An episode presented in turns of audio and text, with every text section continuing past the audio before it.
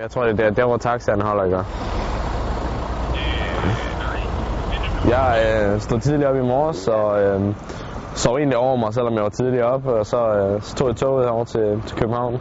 Netop ankommet med toget fra Fyn, kun et døgn efter hjemkomsten fra endnu et sæsonhøjdepunkt ved World Cup i Glasgow, er Lasse Norman Hansen nu i København.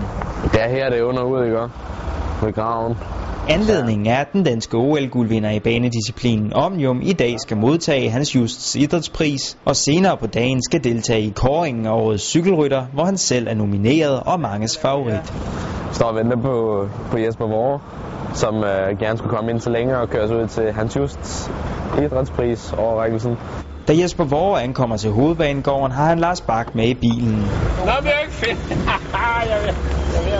Bak, der bor i udlandet, er også nomineret til prisen som årets cykelrytter.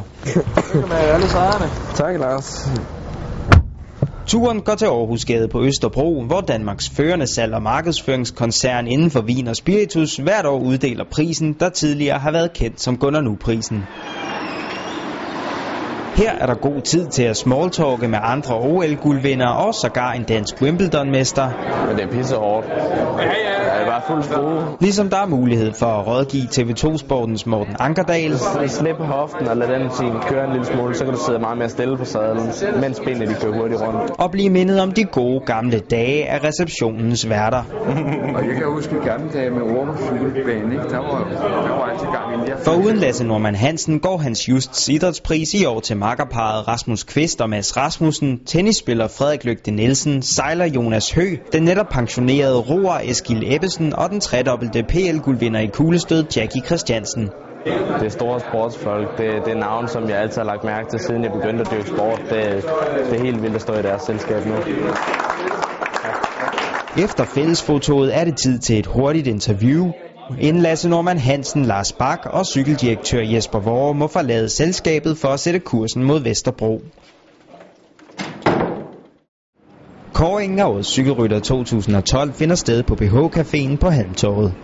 Arrangementet indledes med en film om årets højdepunkter i dansk cykelsport, med de fem nominerede som naturlige hovedrolleindehavere og vandt guld i en disciplin, som de færreste havde hørt om. Det er anden gang, at 20-årige Lasse Normand er kandidat til titlen, men resultaterne vejer klart tungere denne gang. Jeg står lidt bedre nu med, med OL-guld og, og et par World Cup-medaljer og en VM-medalje. Så jeg er rigtig glad for at være nomineret og, og tror også godt på, at det kan lade sig gøre at vinde. Dagens konferencier er TV2-journalist Michael Kamper, Tak selv. Dejligt at være her igen. Og skønne billeder, vi lige så. og han minder de nominerede om prisens betydning og historik. Det er cykelrytternes egen pris. Altså, man bliver kåret, så at sige, af kollegerne, af dem, som er medlem af Danmarks Cykelunion. Det vil sige, at det er folk, som ved, hvad cykling handler om. Herefter præsenteres Annika Langvad, Lars Bak, Sebastian Lander, en fraværende Jakob Fuglsang og endelig Lasse Normand på skift for presse og publikum, Lasse Norman Hansen. og interviews på scenen af Michael Kamper. Øh, hvad håber du på, der skal ske i øh, 2013? Jeg har sat mig nogle, øh, nogle ret ambitiøse mål. Jeg har sat mig et mål om, at jeg skal forsøge at blive verdensmester i Omnium. Og så mangler kun offentliggørelsen af vindernavnet. Der står noget på fynsk. Der står Lasse Norman Hansen.